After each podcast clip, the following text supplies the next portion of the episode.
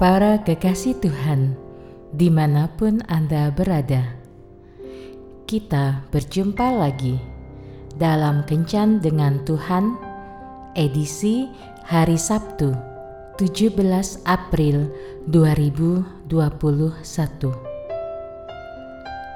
Dalam Kencan kita kali ini, kita akan merenungkan ayat dari kitab Amsal bab 4 ayat 23. Jagalah hatimu dengan segala kewaspadaan, karena dari situlah terpancar kehidupan.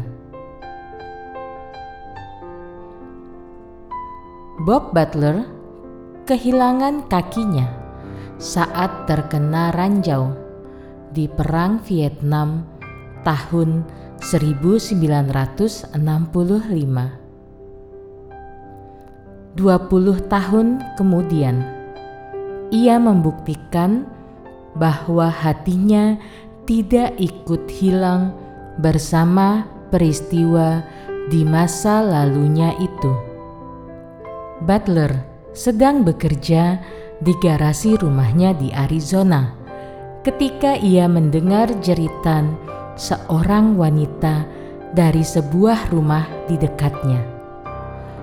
Kemudian ia menjalankan kursi rodanya menuju rumah tersebut.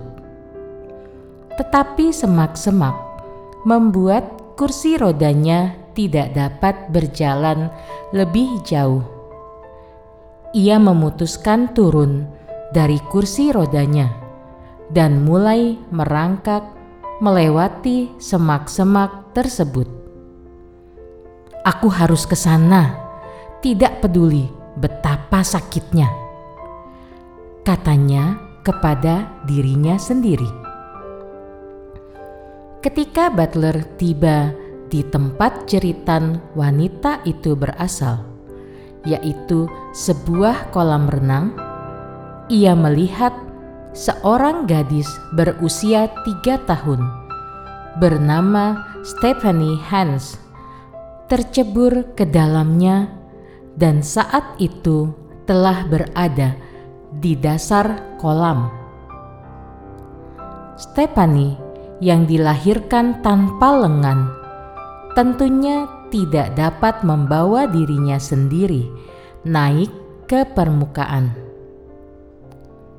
Tanpa pikir panjang, Butler langsung terjun ke dasar kolam dan mengangkat anak malang itu naik ke permukaan.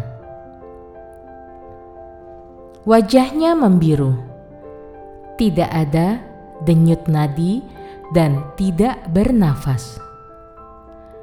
Butler segera melakukan pernafasan buatan untuk membuatnya kembali bernafas. Sementara itu, sang ibu menelpon rumah sakit terdekat, diliputi perasaan tidak berdaya dan takut kehilangan putrinya untuk selamanya.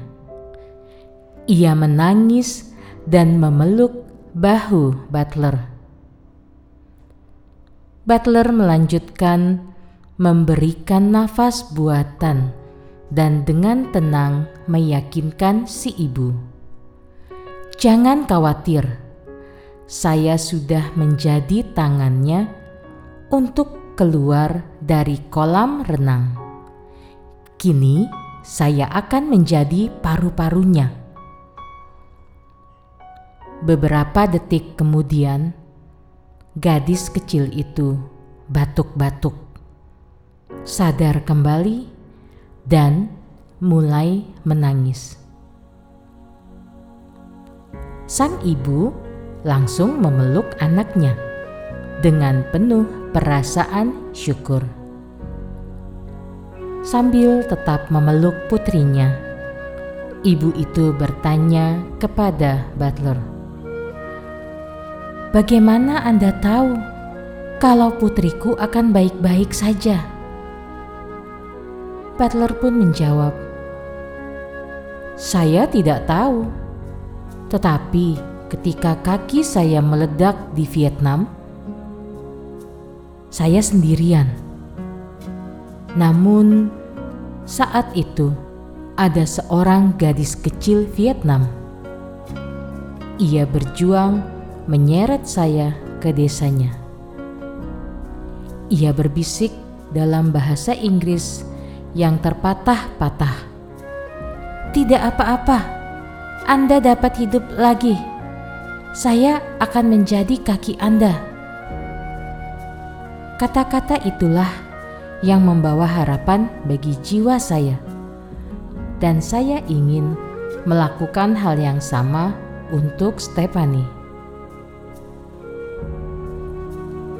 Saat kasih seorang gadis kecil yang justru berasal dari negara lawannya menyentuh hati seorang prajurit yang sedang diambang maut, maka tidak hanya nyawa prajurit itu yang diselamatkan namun, lebih dari itu, gadis kecil itu juga telah menyelamatkan hatinya. Jika suatu saat kita berada di tengah situasi yang seakan membuat kita tidak berdaya, jangan semakin terbenam dalam keadaan mengasihani diri sendiri. Namun sebaliknya, kita harus memiliki hati yang dipenuhi dengan harapan akan pertolongan Tuhan, sehingga kita dapat tetap menjadi berkat untuk orang lain.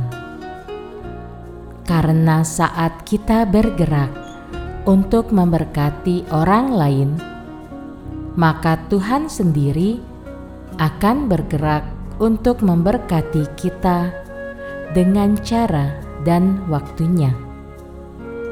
Tuhan Yesus memberkati. Marilah berdoa.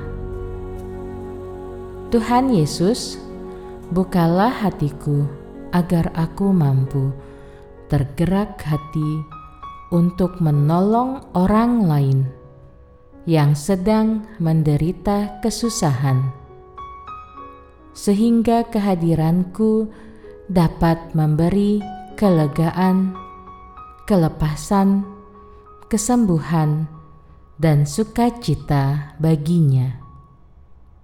Amin.